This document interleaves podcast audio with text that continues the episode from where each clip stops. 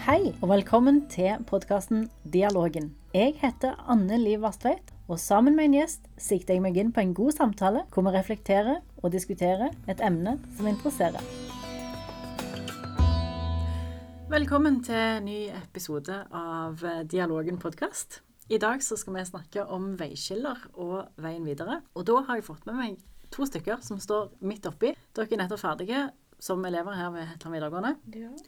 Det er Elin Aase og Anniken Tue Johansen. Dere står midt oppi et veiskille. Dere er ferdige her. Nå skal dere av gårde videre. De siste tre åra så har det jo egentlig vært en del valg dere har tatt og gjort allerede.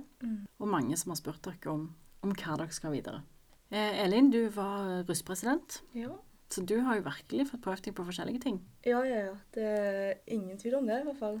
Hvordan, hvordan var det å være russpresident?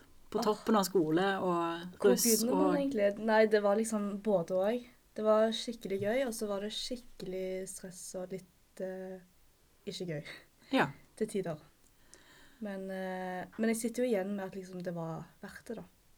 Ja, men du har jo fått prøvd deg på så mye rart. Altså Mm. forsida på Aftenblad, blant Ja. annet. Det ga de ikke beskjed om før sånn når det var ute.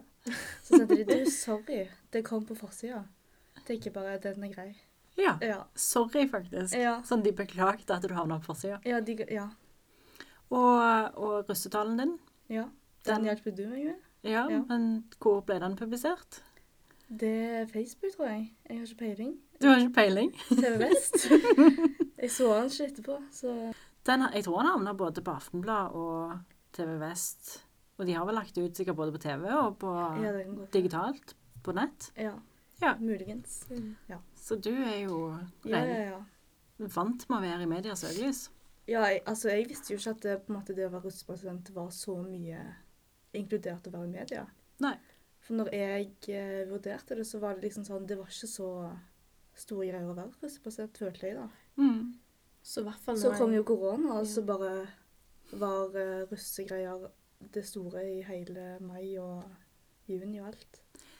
Men er det noe du har tenkt over? På en måte før du gikk inn i altså, denne mediepersonligheten, nærmest? Om jeg har tenkt over hvordan det var? Ja. Ikke i det hele tatt, nesten. Jeg bare hoppa i det. Ja. Og så bare tok jeg det sånn som det kom, føler jeg. Men det var ikke et bevisst valg at det var sånn nå skal jeg bli TV-kjendis, liksom. Det er bare Nei. For det er folk Ja. som kjenner igjen fjeset ditt nå? Eller Nei. Heldigvis ikke. ikke som du vet om? Jeg er litt glad for det. Ikke som du vet om. Ikke som jeg vet om. Nei. Ingen som kom bort og bare sånn Hallo. Ja, det er jeg litt glad for. Ja. Mm. Nei, men jeg ser jo for meg det kan åpne noen dører. Ja. Men du har kanskje ikke sett så mye til det ennå? Nei. Nei. Kanskje i fremtiden. Kanskje i framtida. Ja. Ja. For det der ligger jo digitalt ute nå. Aftenblad Ja, ja, med søker deg du på opp navnet forsida. mitt, så kommer det jo opp, så Ja. Når du skal inn i arbeidsmarkedet og så videre, så er det Mm. erfaring verdt å ha med seg. definitivt. sikkert bra å ha på CV-en. Funker veldig fint, det.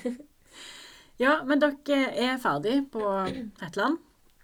Og denne episoden har vi valgt å kalle 'Veiskiller' og 'Veien videre'. For det, et veiskille blir definert av Norske Akademis ordbok eh, som en gjennomgripende endring eller en viktig avgjørelse. Mm. Og det er jo det dere står i. Eh, UiBs ordbok kaller, sier at i overført betydning så er det et avgjørende valg. Mm. Og nå skal dere videre ut og studere, og jobbe, skape dere framtid. Åh, det er Ja. helt sykt. Plutselig er dere voksne. Ja. Det har gått fort. Ja. ja. Anniken, hva du skal gjøre? Jeg skal ta et årsstudie i Italia, Ja. så det gleder jeg meg veldig masse til. Men eh, det blir jo litt skummelt med å bo i et helt nytt land med en ny kultur og masse nye mennesker. Men det er jo sikkert kjekt det òg, å få starta litt på ny og prøve noe nytt. Og... Ja, selvsagt, tenker jeg. Ja. Hvor i Italia er det du skal? Det er hovedstaden. Så, det er Roma? Ja, så jeg gleder meg utrolig mye nå. Det er jo en måned til nå, så det er jo Jeg kjenner det begynner å krible litt i magen. Ja. er så gøy.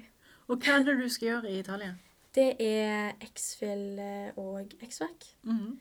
Så Og så et eller annet eh, Moderne historie? ja, moderne historie. Spennende. Mm. Eh, og det ble jo litt, altså ikke et friår, men det ble en sånn myk start som student. Ja, for det var jo akkurat det jeg tenkte. For jeg vet jo ikke hva jeg skal gjøre, eller hva, hva jeg skal studere videre. Så jeg tenkte det var greit å, å få et år der jeg kan gjøre noe fornuftig samtidig som jeg kan tenke litt, da. Fordi Ja. du, du får jo Du får jo det ene året, og det er jo Da har du jo studert litt og kommet litt inn i det. Men samtidig så kan jeg jo tenke hva jeg vil gjøre etterpå, da. Er det på norsk, engelsk, italiensk? Det er norsk, ja. Det er på norsk. Så er det fire uker med italiensk kurs òg, da. Ja. Så kanskje komme hjem og snakke litt italiensk. Ja, det bør du jo. ja. Det har jeg veldig lyst til. Spennende. Mm. Men da står du altså litt fast på hva du skal gjøre videre etterpå? Ja, det gjør jeg. Det er skummelt, det. Ja. Ja, for det er, det er jo så utrolig mye å velge mellom. Og så um, er det jo veldig det Skal du gå etter det du på en måte har lyst til, eller det du liker å gjøre, eller skal du gå etter det du på en måte tjener mest? For det er jo, det er jo, ofte, det er jo ofte litt motsetninger der. ja. Mm. Sikre, trygge jobber eller god lønn eller Ja. Og trives veldig. Det er òg et veldig viktig aspekt. Men har du ting som du står og skal velge mellom? Hva er det som interesserer? Jeg er jo en veldig sånn sosial person, og nå har jeg jo snakket med ganske mange lærere som jeg jeg syns det virker ganske kjekt å være lærer, da.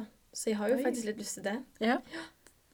Men hva fag da? Um, jeg syns kanskje sånn norsk og Norsk og sånn eh, historie, religion, eller sånn de fagene der, da. Men uh, i hvert fall norsk, tenker jeg. I hvert fall norsk. Mm. Så da er jeg som har hatt deg i norsk. Jeg tenker, Da har vi ikke ødelagt det faget for deg, i hvert fall. Eh, nei, absolutt ikke. Spennende. Ja, nei, men det Jeg jeg pleier å si det at jeg har ikke bestemt meg ennå for hva jeg skal bli. Så nå har jeg ikke mange år igjen før jeg er 40, og eh, Men det er jo aldri for seint for Nei. deg, da. det er jo det. At der er, vi har muligheter til Ja, å snu oss rundt og gjøre noe annet. Mm. Så jeg, eh, jeg tok PPU når jeg gikk hjemme i permisjon. Mm. Eh, og så funker det veldig fint å være lærer mens en har små unger. Jeg storkoser meg i lærerrollen òg. Det gjør jeg absolutt. Men om jeg er her om ti år? Kanskje. Kanskje ikke. Nå gleder jeg meg veldig til å begynne igjen nå. Ja. Jeg gleder meg ikke til ferien er over, men jeg gleder meg til, til å stå i klasserommet igjen. Ja. Men eh, ja, så står jeg litt fritt. Jeg, jeg valgte bare fag når jeg kom på universitetet. Ja. Og så tenkte jeg eh, språk og eh, litteratur. Det liker jeg, det kan jeg, det har jeg lyst til. Og så bare kjørte jeg på Ja. det. Hadde det vært så lett, da, så hadde det jo ja. Men det er, jo, det er jo smart sånn at du, du er litt sånn åpen til det. For det er, jo, det er jo mange som velger veldig fort, og så går de en vei som de angrer på seinere. Mm. Og det er, jo, det er jo bra å gjøre det du, det du har lyst til, det du liker. Ja. Men nå snakker jeg nettopp med ei i sommer, og hun utdanna seg Hun tok en tre eller fire år i utdanning, altså på universitetet. Mm. Jobba med det et år eller to. Ombestemte seg. Og hun har søkt seg inn på et annet universitet, et annet universitet en annen bachelor, og skal starte på ny igjen. Ja. Det er jo mange som gjør det òg. Ja. At de går en vei, og så Gjør det plutselig noe annet. Så det er jo, det er jo litt betryggende det òg, at det, det er mulig å endre mening og gjøre noe nytt. mm. Og vi snakket med Jeg var i London i fjor, ble det, med topplinja. Og hun ene som jobba i et av oljefirmaene der borte, og snakket om fornybare ressurser og hvordan de skulle få oljefirmaer inn på en grønnere sti. Hun hadde en bachelor i religion. Ja. Oi. Ja. Så hun hadde plutselig da endt opp innenfor uh, human resources og informasjons i, i et oljefirma. Ja. Så det er liksom, du vet aldri helt hvor du ender opp Mm. samtidig. Jeg hadde ei som jeg studerte med, vi tok uh, literacy studies, altså det skrevne ord. Uh, hun jobba med, jeg tror hun skrev en, nei, jeg skrev en masteroppgave om Dracula og monster og sånn i litteratur. Hun ble innkjøper i oljebransjen. Ikke sant. Så ja. Elin, hva er planen din? Eh, fremover nå så skal jeg ha et halvt år liksom friår. Og så skal jeg Da satser jeg jo på å jobbe og liksom tjene litt penger og ja. Prøve å liksom fylle tiden min med jobb. Mm. Mens alle andre er i Italia og mulig. og så skal jeg inn i militæret i januar. Så er jeg jo der et år, og så blir det nok friår, og så begynner jeg studier. Ja, Ja. Det er planen. Så det blir ett år i militæret. Mm. Har du noen planer for hva du vil gjøre mens du er i militæret? Jeg eh, pleier man å jobbe og sånn da? Nei, men du kan velge retninger, for Oi, sånn, eksempel. ja. Ja, altså, de sa jo at de ønska at jeg skulle prøve meg på sånn sanitetssoldat. ja. Spennende. Men der var det ganske høye krav, så jeg tenker bare Vi får se hvordan det går. ja. Men du prøver det. Ja. Så kult. Ja. Og så etterpå, når du er ferdig i militæret, så vil du studere? Da har jeg kommet inn på en linje i Grimstad. Det er teknologi Multiteknologi og design. Spennende. Ja. Så da håper vi at det er noen som hører podkasten her og tenker Ja. at det er seks måneder med deg som eh, vikar eller eh, Ja, ja, lærling ja. Jeg er Inn- med på alt. innenfor noe design og teknologi og diverse. Ja. Da håper vi at det funker. Mhm. Så bra. Nei, men Spennende valg, begge to. Det, det er ikke lett å ta disse avgjørelsene. Absolutt ikke. Jeg googla litt før, jeg skulle, før vi skulle begynne på dette, her, og så bare søkte jeg på veiskille. Og det var så mange bøker som heter et eller annet som har med veiskille å gjøre. Ja. Så det er veldig mange. Mai Grete Lerum, Jan Barstad, Renate Josefsen, Sigrid Lunde, Pål Steigan osv. osv. Det her var bare første søket på norsk. Og veldig mange av disse her er sånn serieromaner. Eller del av serieromaner, men alle sammen har liksom et veiskille. Det er, og mange bøker som handler om dette når, når livet plutselig tar en annen vending enn det Enten hva du har tenkt, eller når du tar et bevisst valg sjøl, eller Ja. Og så så vi litt på en eh, artikkel fra Aftenposten som, som, eh, der de skriver om det å kombinere jobb og lykke. Mm. Du så litt på den. Hva tanker gjorde du deg? Nei, det er jo eh, det, er jo det med å så kunne jobbe, men òg klare å være lykkelig. Mm. Så det, det sto jo òg noe om at eh, hvor bra det går med jobb og sånn, så er det ikke alltid de føler seg like lykkelige. For da da var det noe med indre lykke og ytre Og lykke. ytre lykke, ja. Ja. At eh, du må jo ha en balanse mellom det. Ja. Det tror jeg 100 på. ja. I hvert fall nå sånn Bare det å ha sånn sommerjobb og sånn. Mm. Det, man skal jo liksom, Når man er så ung, så skal man liksom kunne jobbe med alt og bare Du må kunne akseptere å jobbe med en drittjobb. ja. Men eh, det har jo sykt mye å si med trivsel og sånn. For at man skal kunne ha motivasjon til å gå på jobb, da. Det er Selv om man sant. kjenner godt. Ja. Ja. Nei, altså, er jobben drit, og du ikke føler det er mål og mening i den? Tenk deg Ja. å bruke åtte timer pluss hver dag på en jobb som du føler ikke gir deg noe. Det hadde ikke jeg klart. Nei. Det er jo mange som gjør det. Ja. Så Nei, det, det, og det er jo ikke alltid lett. Jeg snakket med en forrige uke, og han sa det at uh, hver dag så går han hjem med vondt i magen. Fordi han har ledd så mye med kollegene sine. Åh, Det er jo sånn det bør være. det er jo drømmen. Mm. Ja. Ja. Men, men det er jo kanskje ikke alltid For han så var det litt sånn tilfeldighet at han havna i den jobben. Ja. Mm. Så det, det varierer jo veldig hvor han uh, havner og Ja, for det vi snakker om ytre og indre suksess, da. Mm. Men det har dere jo kjent litt på på skolen òg. Ja. Karakterene er ikke alltid det som gjenspeiler hvor bra du har det. Nei. Nei, det går jo an å ha skikkelig gode karakterer, men føle seg dårlig på ene siden, holdt jeg på å si. Ja. Og òg få dårlige karakterer og ha det bra. Det er liksom Ja. Men så tror jeg òg at det ytre og indre kan påvirke hverandre òg, da. ja hvis Ja. du har det skikkelig bra, så kanskje at du får litt sånn ekstra boost til å liksom gjøre det bra på skolen òg. Mm. ja. Men òg omvendt. For du sa du visste, Anniken, hva fag du ville ha. Ja. Og, og merker du da en forskjell når du fikk de fagene? ja, veldig. Fordi i VG1, da, da må du jo ha de fagene alle har. Mens når du får velge sjøl, så er du jo mer interessert. For da har jeg valgt det sjøl. Og da følte jeg faktisk at jeg gjorde det veldig bra i de fagene òg. Og det, det blir jo en sånn motivasjon. Fordi du Ja, da blir det jo på en måte litt Da kan du jo kombinere litt, fordi det er jo både skole, men òg noe du interesserer deg for, som gjør at du blir glad. Stemmer. Mm.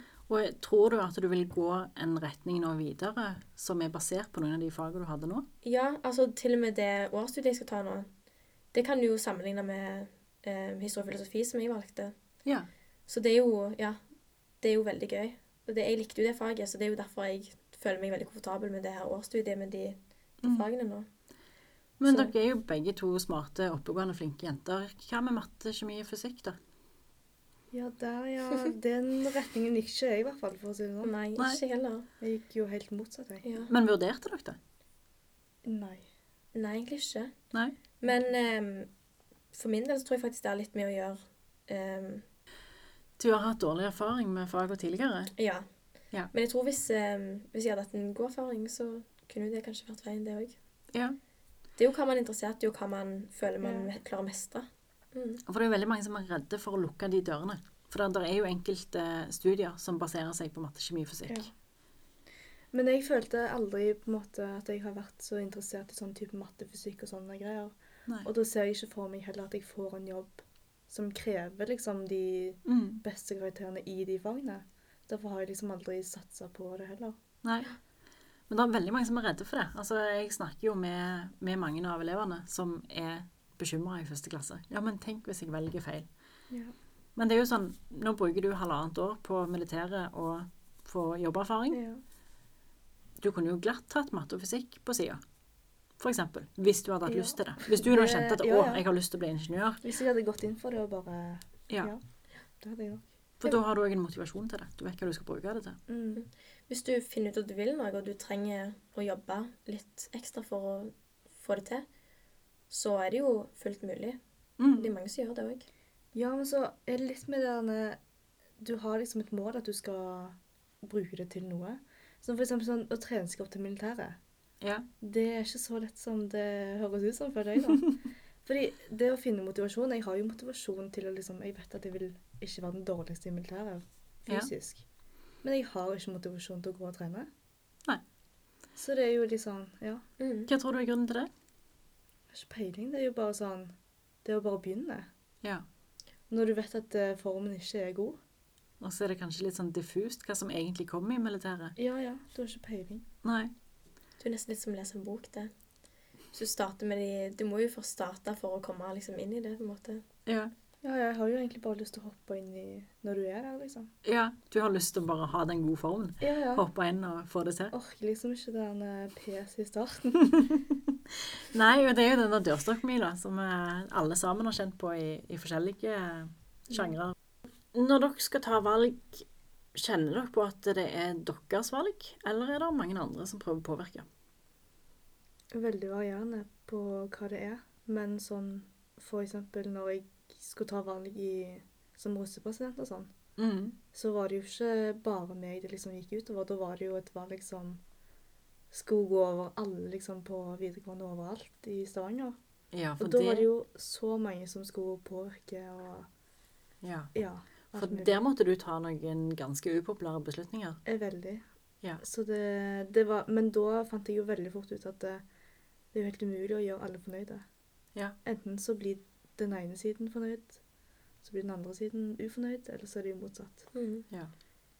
Ja, for det merker jo jeg òg, at det er jo Det er jo noen som prøver å påvirke veldig. Og så er det andre som bare sier at det, det må jeg på en måte finne ut av sjøl. Men eh, ja, det er jo Veldig mange er jo eh, veldig fikserte på det å ha en eh, høy inntekt. Ja.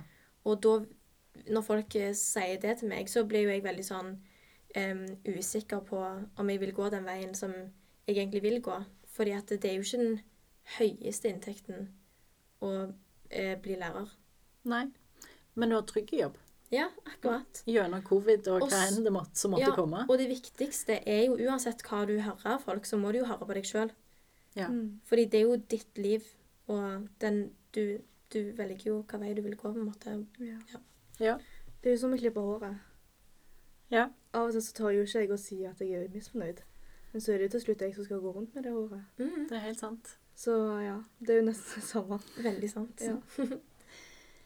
Ja, for det ligger jo, som dere sier, både motivasjon, eh, og så er det kanskje forventninger òg. Altså, du sier du har forventninger til å gjøre det bra i militæret. Mm. Eh, du har en masse motivasjon til å reise. Og, Mm. For du sa du hadde fått lekser allerede. Ja. De, eh, ja, de er ikke så gøye. Nei. Kjekke, mener jeg. Men var det lett, altså, er det enkelt å hive seg rundt og få det gjort? Nei, det er jo det det ikke er. I hvert fall nå når det er ferie, og du, du være liksom innstilt på at det skal være ferie, så plutselig så har du 30 oppgaver i fanget. Så det er jo Ja. Og disse får du til å gjøre i august, mens alle andre har ferie. Ja, du må Ja. jo det. Ja, og så er det òg begrensninger. Føler dere sjøl at, eh, at dere sjøl står i veien for dere sjøl? Ja, i hvert fall sånn treningsgreier. Da er det jo bare jeg som må reise meg og springe. Ja. Men uh, ja, det er jo motivasjon, syns jeg, da, mentalt. ja. Mm, Bare sette i gang. Men er dere redde for å velge feil? veldig. Ja. Ja. I hvert fall sånn studier og alt det der. Det er derfor jeg, jeg nøler jo veldig på det om jeg skal velge å bli lærer. For det er jo bare noe jeg har tenkt. Jeg vet jo ikke om jeg vil det, og det er jo så utrolig mange andre ting å gjøre. Og da, da er jo jeg veldig usikker. Hvis jeg tar og går den retningen, vil jeg plutselig angre da. Så det er jo det er nesten sånn du prøver å utsette å ta valg og ja, Mm. nesten bare la det skje av seg sjøl. Det er jo sånn Mamma sier jo at det, det gjør jo ingenting om jeg tar feil valg. Eller ikke feil valg, men at man velger noe, og så finner man ut at man ikke trives så godt i det, og så bytter man. Men jeg har jo egentlig lyst til å bare finne jackpoten først, og så bare Ja. Jeg er ferdig med styret og sånn, og så Ja. Så du har egentlig lyst til å komme til målstreken på en måte i livet ja jeg tenker så med en gang? Ja. Men hva da etterpå? Så finner jeg meg en jobb og mann og barn og Ja, alt Og så lever lykkelig resten av dine Ja, ja. dager? Ja. Men det er det jeg òg tenker. Det er liksom det at man har lyst å bli ferdig fort. ja. Som kanskje er grunnen til at man er så redd for å ta feil valg. Mm. Siden da vil det jo ta lengre tid før man når målet. Jeg sier det viktigste jeg lærer mine unger, Mm. det er 'don't grow up, it's a trap'. Ja. Nyt det mens dere kan. Eh. Studietida får dere aldri tilbake igjen. Ikke på samme måten. Og, og livet er jo ikke over i det dere har hus og mann og barn og stasjonsvogn og ja. Så det er Ja, livet fortsetter Ja. da òg. Det er ikke Der er ingen mållinje der. Det er dessverre mange som tror det. At eh, ja, når du når min alder, da, da har du kommet deg på plass, da vet du hva du vil, og du vet hva du skal videre. Det er, livet er en reise, sier jeg nå, veldig filosofisk. Uff, ja. Så ja, den der målstreken, den er jeg redd for at eh, den, den- er ganske diffus. Altså, målstreken er egentlig ikke noe vi trakter etter, for da er ting ferdig etterpå. Mm. Forhåpentligvis når vi ikke den før 80-90-årsalderen osv. ja.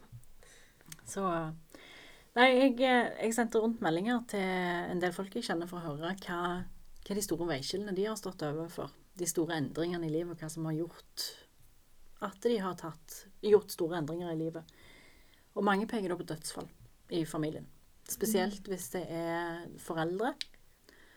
Eh, Og flere som sier det, at det gir en sånn oppvåkning. At da plutselig så endrer de ting. Måten de ser på seg sjøl, kanskje. Eh, måten de gjør ting i livet.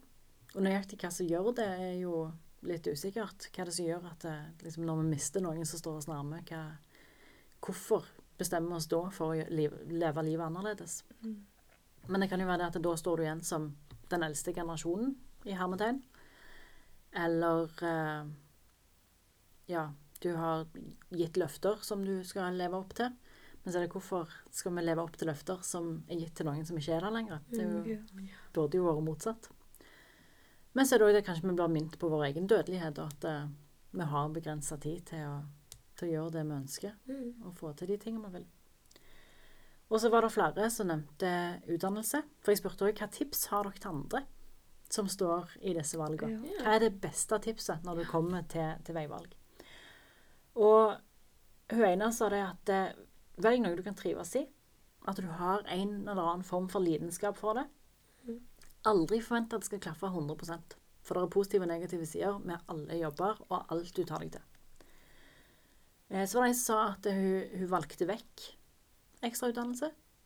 Hun kom til et punkt der hun sto mellom skal jeg ta en master, eller skal jeg prøve jobb.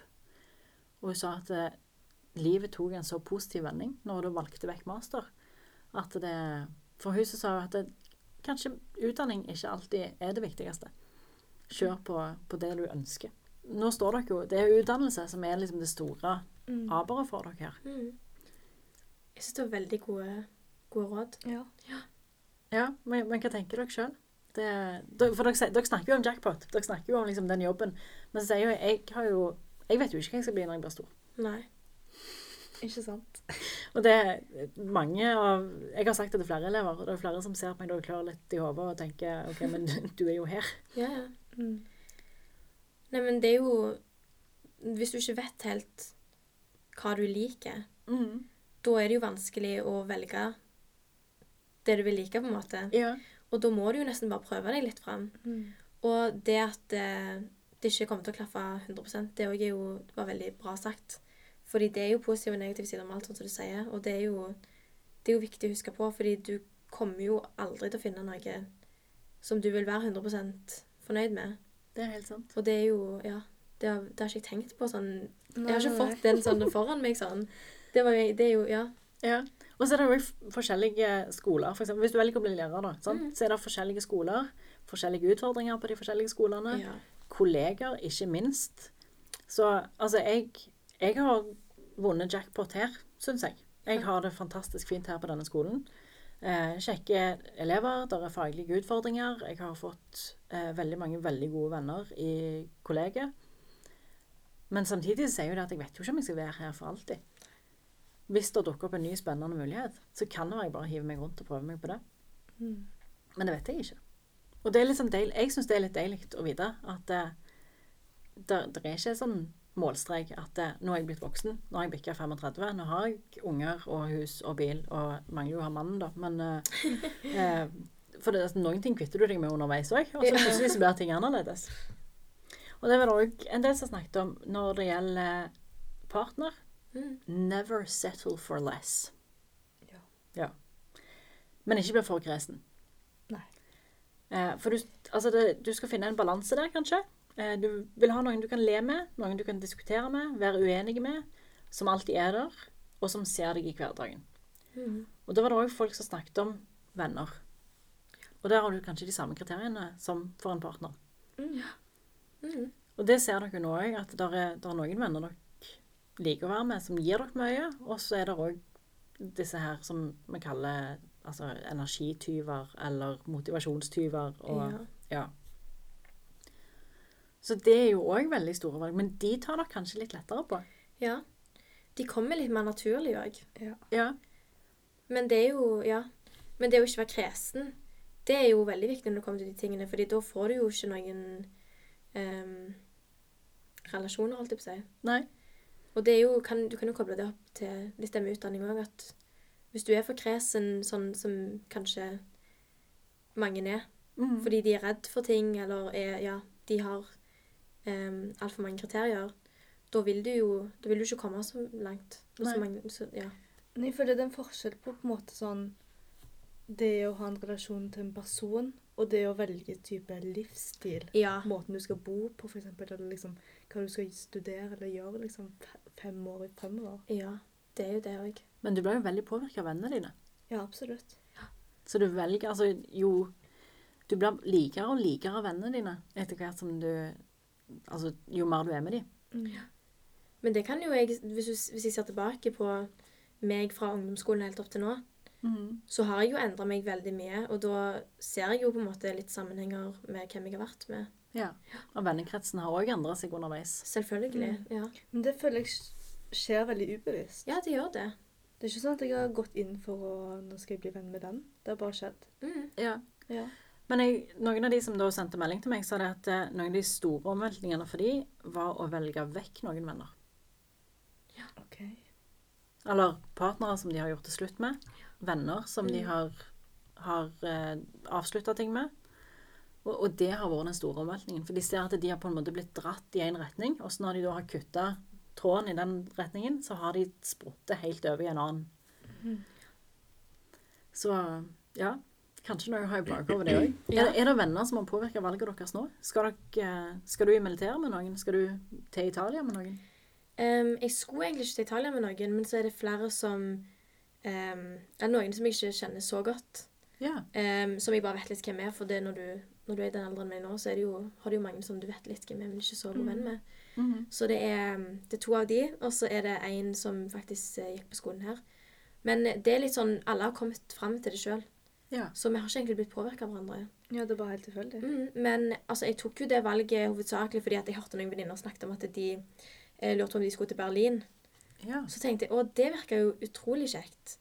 Og så tenkte jeg jeg kan jo bare søke. Men så så jeg Roma, så var jeg sånn eh, Nei, det blir Roma. Du vil heller til Roma. Så Ja. nå så ble det jo sånn at det, de, de skal ikke til Berlin, de heller. Så det var, de på en måte fikk meg til å komme på den ideen, og så var det jeg som utførte på en måte. Ja. Men eh, jeg gleder meg utrolig mye. ja, det kan jeg se for meg. det har jeg sagt mange ganger nå, så det mener jeg. Du da, Elin. Er det noen som skal militere blikk med deg?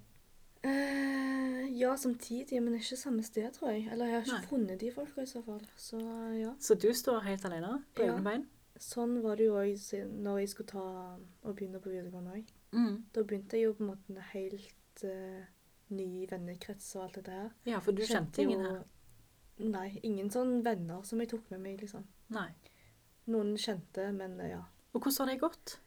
Det har gått veldig bra. Ja. Altså, første uken var jo ganske heftig, men eh, ellers har jeg jo aldri liksom angra på at jeg begynte på Hetland. Og det har jo gitt meg sykt mye. Ja. Ja.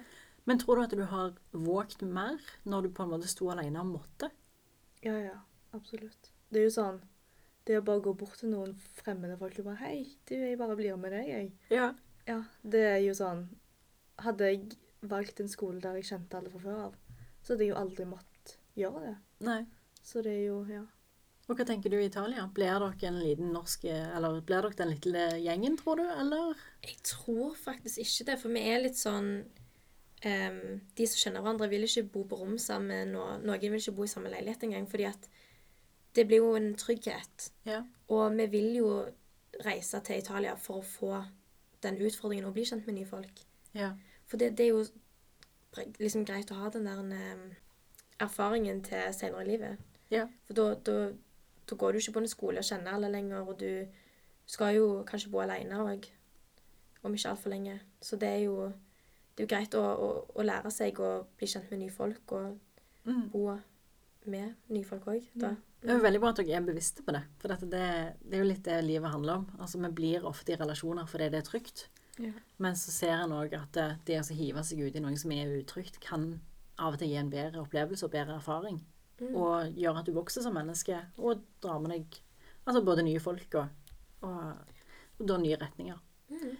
Jeg sendte en melding til, til Hamza, blant annet. Han er en tidligere elev. Og han bor nå i Oslo. Han engasjerer seg sterkt for eh, Arbeiderpartiet, jobber nå i NRK og diverse. Og han sa det at eh, den største endringen for han vil han personlig si at garantert er det at jeg valgte å gå på en skole ingen andre fra mitt lokalmiljø skulle gå på. Etter ti år i Tananger gikk åtte av elleve gutter i klassen til Sola videregående, mens resten starta på St. Olav. Jeg var utrolig glad i folka fra Tananger, men kjente det var viktig, men vanskelig å anerkjenne at det ikke var rom for utvikling der. Selv om det kan høres lite ut, betyr det at en starter på en helt ny skole og kjenner ingen første skoledag. Det er den største muligheten for å kunne starte fra scratch.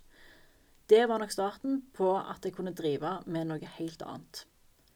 Og Det viktigste tipset han har, er at en aldri må være redd for å bytte miljø. De som vil og absolutt må være med, kommer uansett. Selv om det kanskje ikke føles riktig, er det den måten en utvikler seg som menneske og som ungdom. Gode ord fra Hamsa. Ja.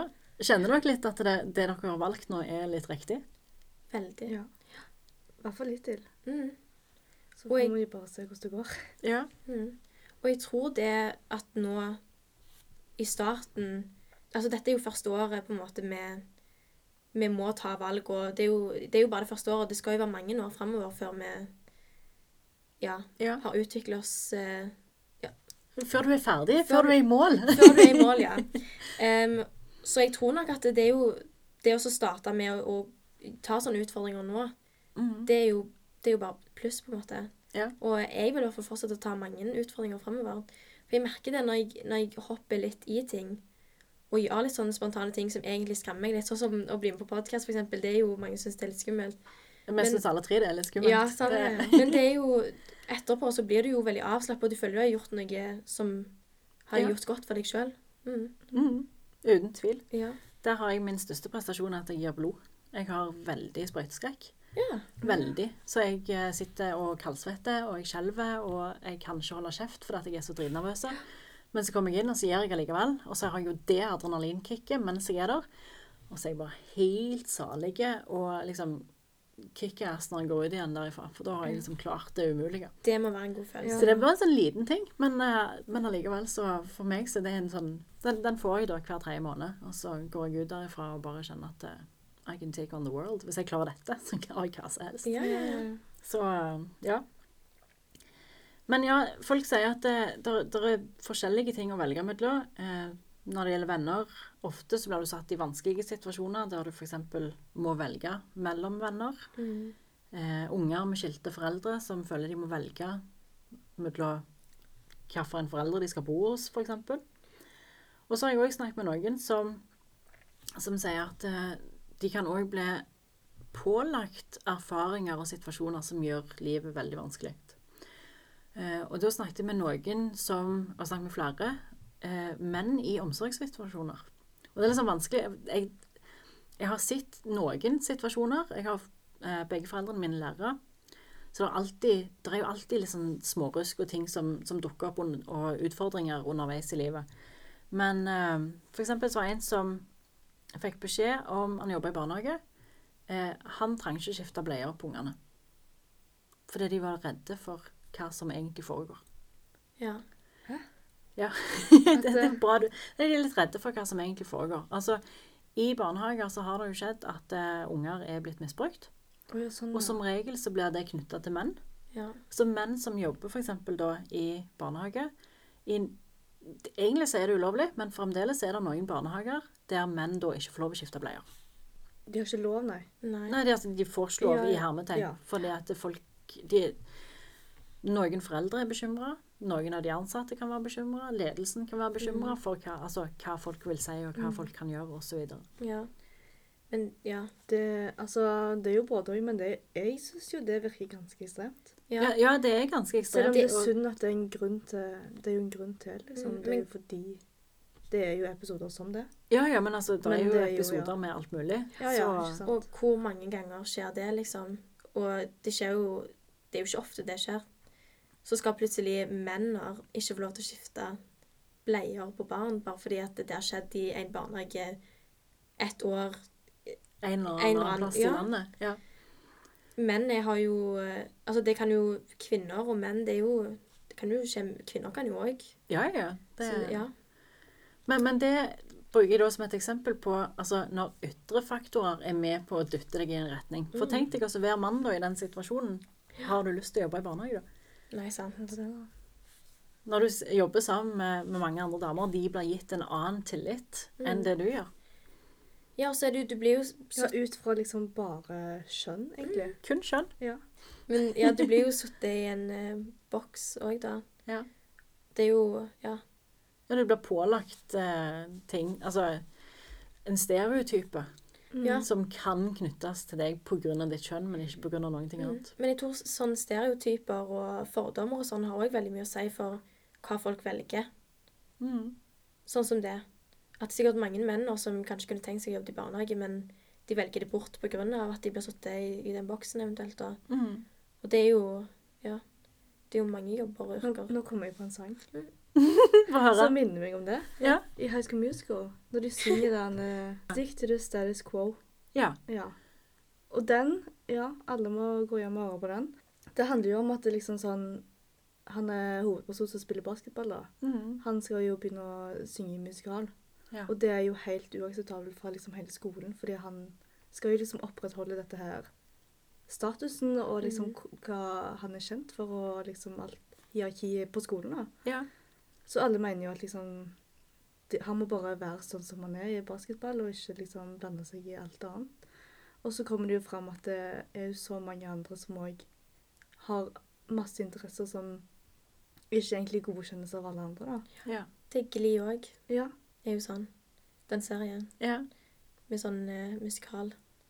At folk ikke tør pga. det hierarkiet på skolen. Ja, Man Man Ja. blir jo skikkelig sånn Det er ikke tvil om at man blir påvirka av forventninger av, andre, da. På hva man skal gjøre. Ja. Og så er det jo skikkelig sånn Hun valgte det, liksom. Ja, men det er jo som du sier, du står mellom Altså, hva alternativer kunne du tenkt deg som, som lønner bedre enn lærer? Nei, sant, det må jo være noe sånn Jeg vet ikke HR Nei, hva er det dette? Sånn, Human resources? ja, Human ja. Resources og sånne ting, da. ja, innenfor større firmaer. Ja, innenfor større firmaer. Og så, ja, jeg vet ikke det, Kanskje noe sånn bærekraftig, sånn som vi, du har sikra jobb, på en måte, men om jeg hadde vært like um, lykkelig i den jobben som å være lærer, det, det tviler jeg litt på, faktisk. Ja. Men jeg har jo ikke prøvd. Men så jeg kjenner jo også litt på det at det, begge foreldrene mine er lærere. Så er det derfor jeg er blitt lærer. For dette her er liksom den trygge veien. Det er dette jeg føler jeg kan. For jeg har jo sett det blitt gjort hele veien.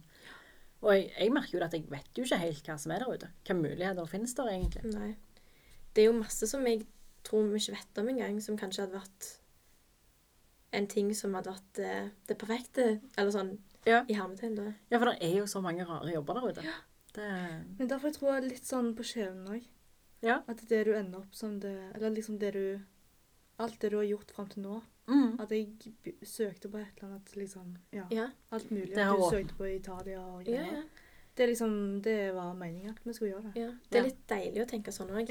Fordi da føler du liksom at uansett hva som skjer, så så er du på en måte litt i, i, trygge, hen, i he, trygge hender da. ja. Det er liksom en grunn til at eh, alt skjer. Mm. det er litt tilfeldighetenes år òg. Mm. Eh, Men Mhm. ofte kan jo negative ting føre til positive ting òg.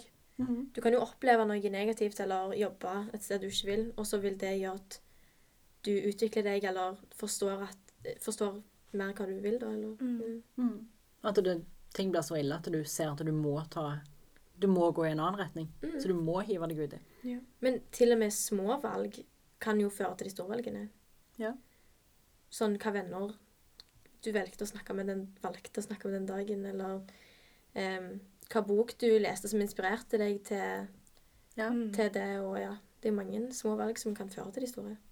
Alt er jo med og pusher pushe deg i en eller annen retning. Åh, det er jo Mm. kjempeskummelt. Ja. Ja, men er det, som jeg sier, altså det går an å endre vei. mm. Du trenger ikke akseptere alt og Ja. det er litt deilig å vite. Mm. Mm, det er veldig deilig. For jeg leste jo òg om altså, hva, hva type valg skal Eller hvordan skal en ta valg? Og er det Skal du tenke deg i hjel? Altså veie for og imot, fram og tilbake? Eh, eller skal du bare ta valget ganske spontant? Eller skal du sove på det, og så stole litt på intuisjonen din? Mm. Og der òg er det forskjellige ting som spiller inn. Altså, jeg har ei venninne av hennes Hennes viktigste råd var bare hopp i det. Bare hopp, ikke tenk. Og det som er litt morsomt, er at det, hun venninna ser jeg på som veldig strukturerte og tar aldri noen valg som ikke er veldig gjennomtenkte. Men det er mitt inntrykk av hun. Ja. Og jeg ser for meg at det, det rådet passer veldig godt for hun, for at hun er sånn som kanskje lett kunne tenkt seg i hæl, nærmest. Hvis, sant? Mm. Og da får du nærmest en beslutningsvegring. Mm. Eh, jeg fikk meg jo hund i vår, og hadde bestemt meg for det for lenge siden, at jo, jeg har veldig lyst på hund. Men jeg var kjemperedd for å ta den avgjørelsen. For jeg visste at det, blir en livsstilsendring.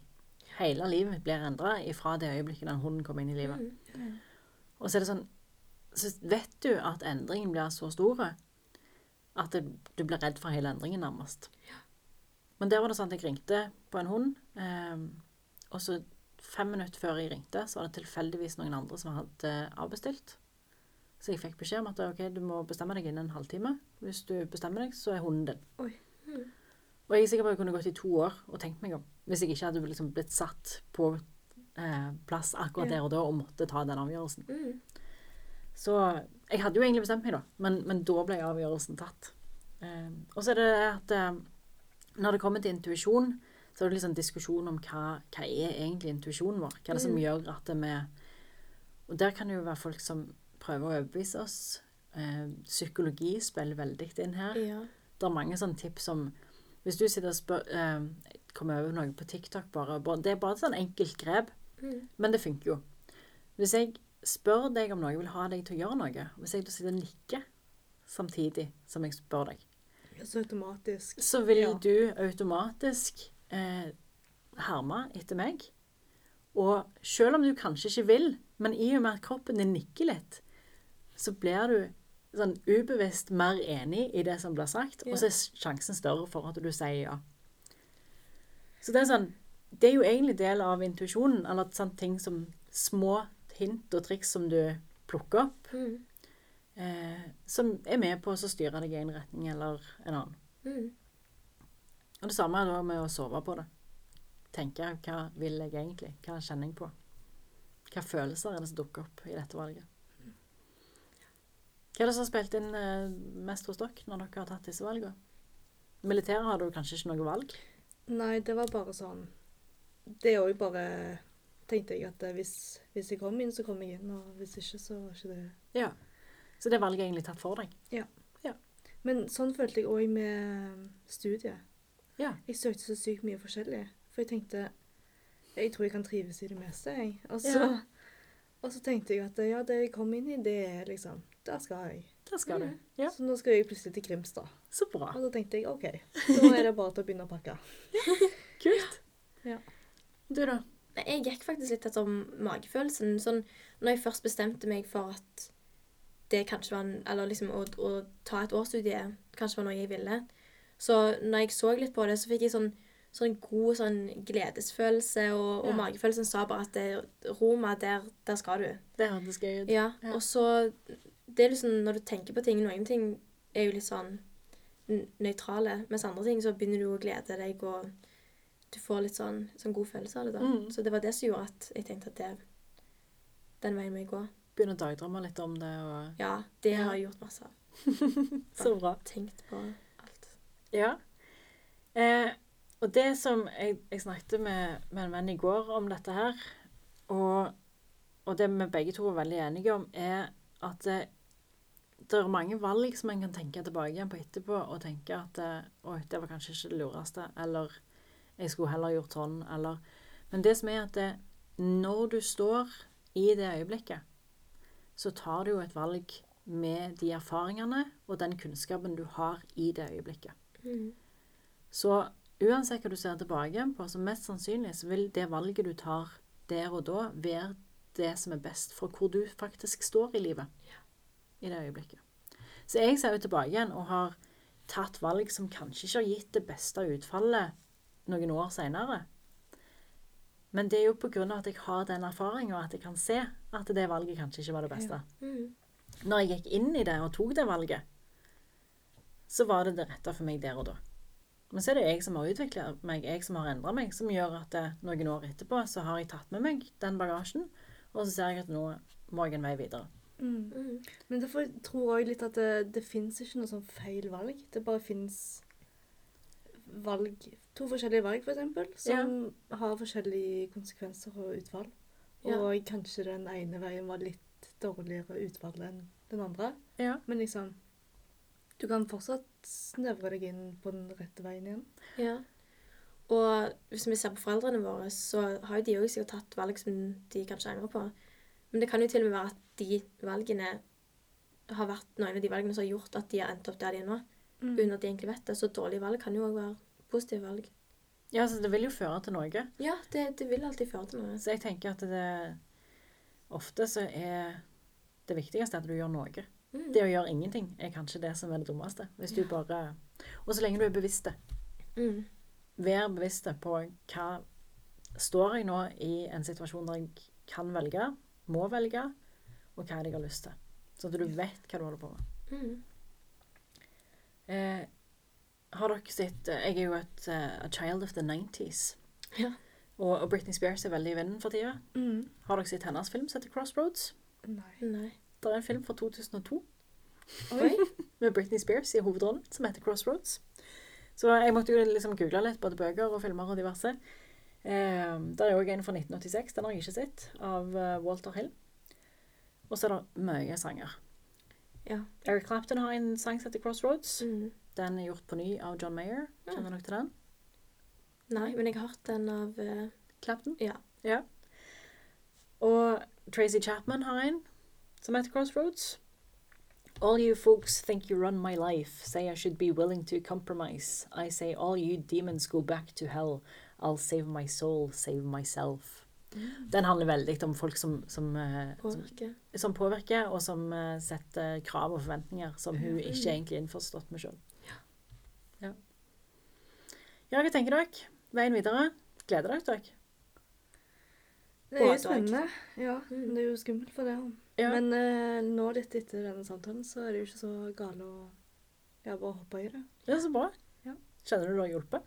Ja, absolutt. Så kult. Ja. Enig. Ja. Og så Ja, du velger jo Du velger jo Du tar jo valgene sjøl. Ja. Og det er jo ingen som velger for oss. Det er jo vi som velger hvor vi til syvende og sist kommer den opp. Mm. på en måte. Og det er jo liksom betryggende. Fordi det er jo vi sjøl som bestemmer. Ja. Selv om det føles litt så skummelt ut nå. Mm. Av og til føles det som om det er skjebnen som dere snakker om, eller at det er tilfeldigheter, eller at er folk nærmest tar valget for dere. Men, men det er viktig å tenke at det, i hovedsak så er det dere som eh, står bak roret og styrer. Mm. Ja. Mm. Og så er det litt deilig òg å vite at eh, når man Ja, hvordan skal jeg si dette? her? Blir like gammel som deg. Ja. Jeg kan jo ikke fått lov å kalle meg gammel, og det går helt fint. Så er det jo ikke liksom Da er det jo ikke år heller. Nei, det er ikke det. Da sitter Det- det begynt. Mm. Ja. Ja. Jeg ser jo folk som har pensjonert seg, og da plutselig reist til Bali for å ta X-Fil og X-Fac. Ja. Så det er folk som begynner å studere igjen etter de er pensjonerte, for de må jo ha noe å gjøre. Mm. ja, ja. Så det Det er jo alltid kjekt å lære. Ja. Og, og det er alltid nye retninger å gå. Mm.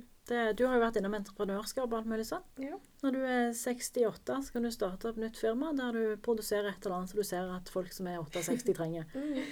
Så er det muligheter. Masse. Absolutt. Takk for praten. Takk skal Ja, du ha. takk for at vi fikk være med. Ja.